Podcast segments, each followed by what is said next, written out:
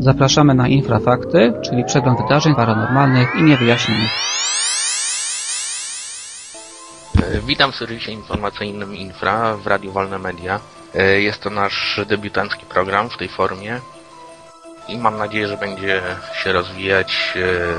Być może forma będzie się troszeczkę zmieniać, ale na pewno będzie nadawany co tydzień i będziemy zbierać informacje z zakresu tak zwanych zjawisk paranormalnych, które dzieją się na świecie. Będziemy się skupiać na różnych drobnych, że tak powiem, wydarzeniach, które nie znajdują odzwierciedlenia w naszym serwisie, których nie opisujemy szeroko. Są to po prostu tak zwane newsy, które się przewijają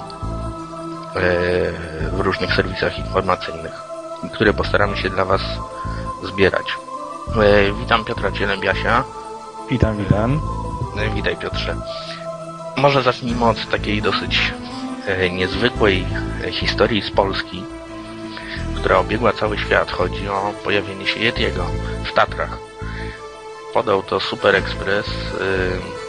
Ta wiadomość natychmiast znalazła sobie w miejsce w różnych serwisach, nawet czasem dosyć poważnych na świecie. No i oczywiście została podchwycona również przez wszelkie środowiska, fora zajmujące się powiedzmy kryptozoologią w Polsce. Chodzi o to, że 27-letni mieszkaniec Warszawy zupełnie przypadkiem, będąc na wczasach w Tatrach, sfilmował dziwną postać przypominającą hominida.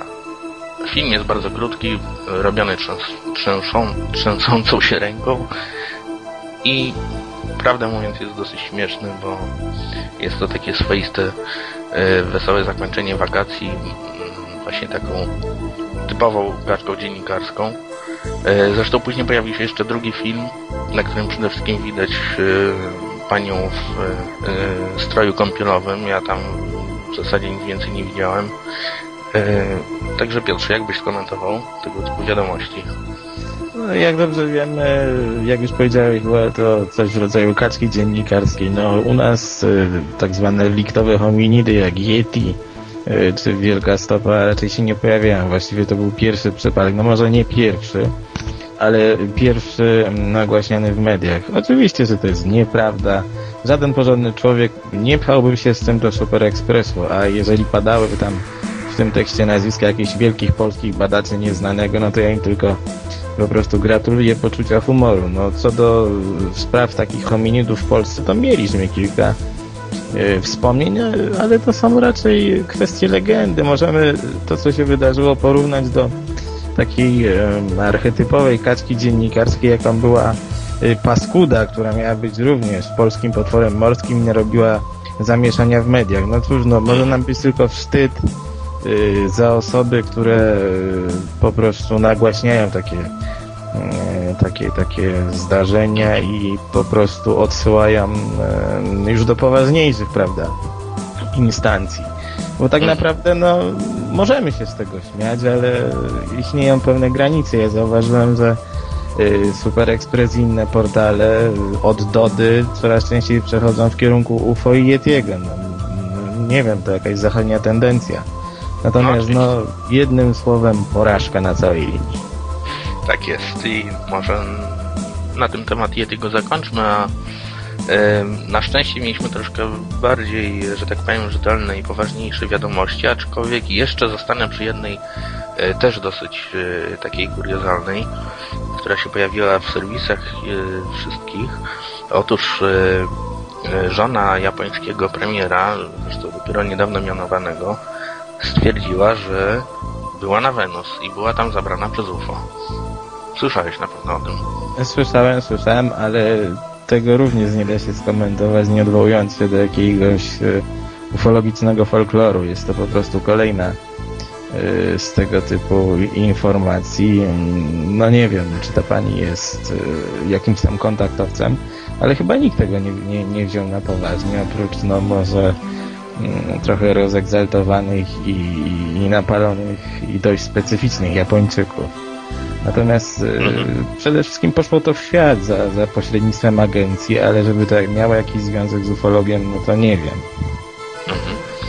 E, To znaczy ma o tyle związek z ufologią, że podobno e, premier Japonii właśnie jakby uznał to, to jej wyznanie za całkiem realne i być może ma stosunek właśnie taki całkiem przyjazny do zjawiska UFO. Ja pamiętam, że ona tam pisała, że wkładała sobie kawałki słońca do ust. Jeżeli premier Japonii bierze to na poważnie, to to państwo już długo nie pociągnie chyba, wiecie.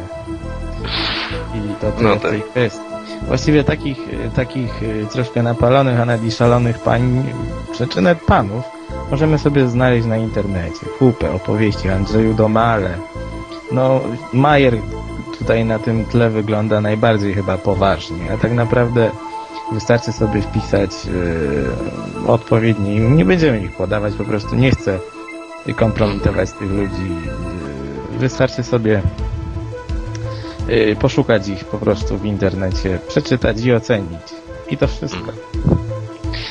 E, Dobrze, to może przejdźmy do e, czegoś bardziej konkretnego. Otóż e, właśnie na początku tego tygodnia, w zasadzie w końcu tamtego, e, mieliśmy, dostaliśmy relacje, kilka relacji z różnych źródeł na temat przelotu różnych, no można powiedzieć wprost, niezidentyfikowanych obiektów latających.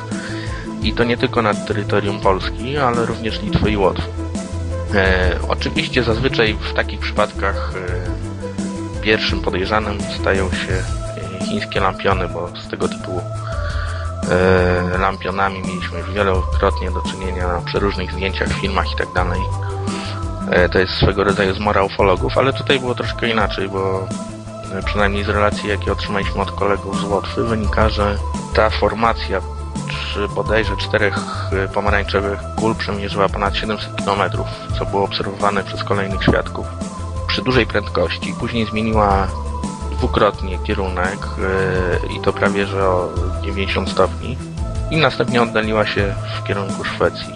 Myślę, że to jest e, spośród, to znaczy takiego dosyć rzeczywiście jałowego tego tygodnia, taka najbardziej ciekawa informacja, e, zastanawiająca, a tym bardziej, że właśnie podobne obiekty były widziane również w Polsce w tym samym okresie, bo to były e, 28, 29, 30 sierpnia. Akurat w Polsce y, ten przypadek niekoniecznie trzeba go łączyć, ale, ale myślę, że można, bo to był jakby ten sam kierunek lotu, tylko że była inna szybkość i tak dalej. Być Tak, może to masz- jest bieg okoliczności. Masz rację, natomiast jak możemy interpretować e, te obserwacje e, z krajów tutaj nadbałtyckich, to, to również nie mam pojęcia, dlatego że to jest sprawa dość podejrzana. No, no one się niekoniecznie muszą łączyć. Pamiętajmy też, że co jakiś czas mamy do czynienia z e, kilkoma tam relacjami, zarówno już hi- historycznymi, jak i e, współczesnymi o przelotach właśnie, mm, nazwę je międzynarodowymi, na przelotach UFO mm, między nad granicami państw, prawda, ale ich, one są zwykle trudne do analizy, bo jak wiemy, tam jest mało szczegółów. To są Mhm. zwykle nocne światła. Yy, tak jest. naprawdę nic nie możemy powiedzieć na ten temat. To mogą być yy, bolidy, jak już powiedziałeś, to mogą być zwykłe samoloty, to mogą być yy, obserwacje astronomiczne i tak dalej. Także, no, jak to się mówi, na dwoje babka wróżyła.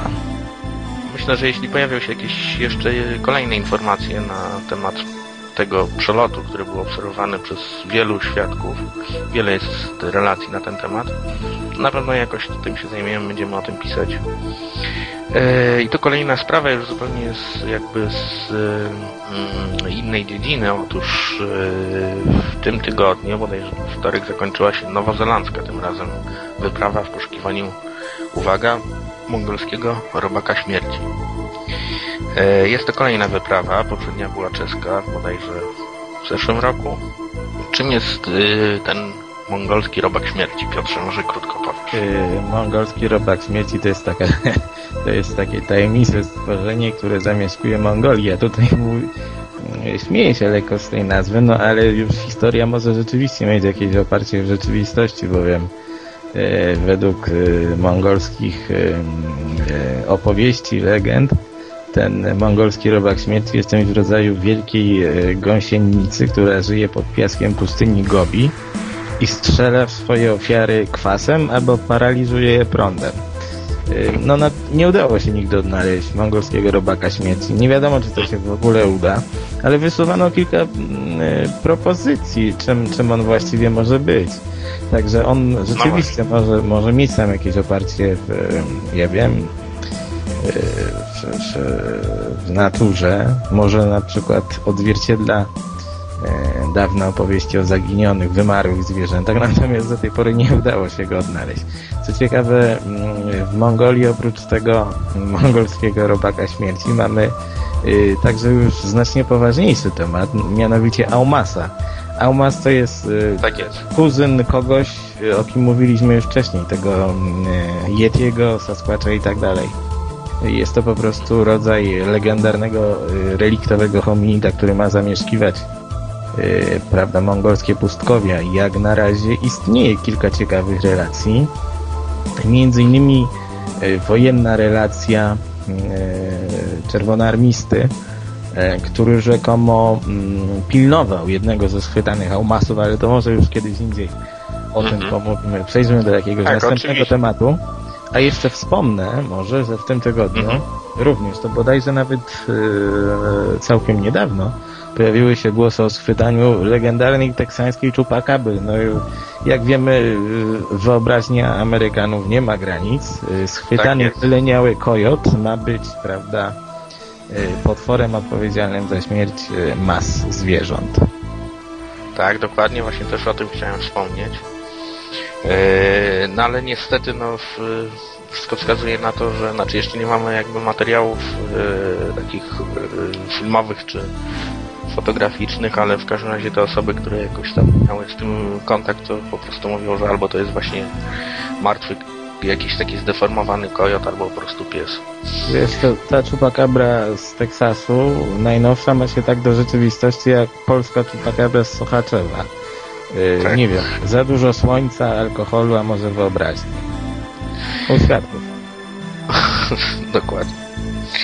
E, Ale inna ciekawa sprawa jeszcze się wydarzyła, znaczy, która nie jest w zasadzie żadną nowością. E, Bo ja tak przeglądając e, powiedzmy różne serwisy, które mnie interesują, w zasadzie co tydzień się napotykam na takie informacje. Chodzi oczywiście o wielkie czarne koty w Wielkiej Brytanii, bo był ostatnio widziany w okolicach Crystal Palace to jest zjawisko tam dosyć powszechne, prawda?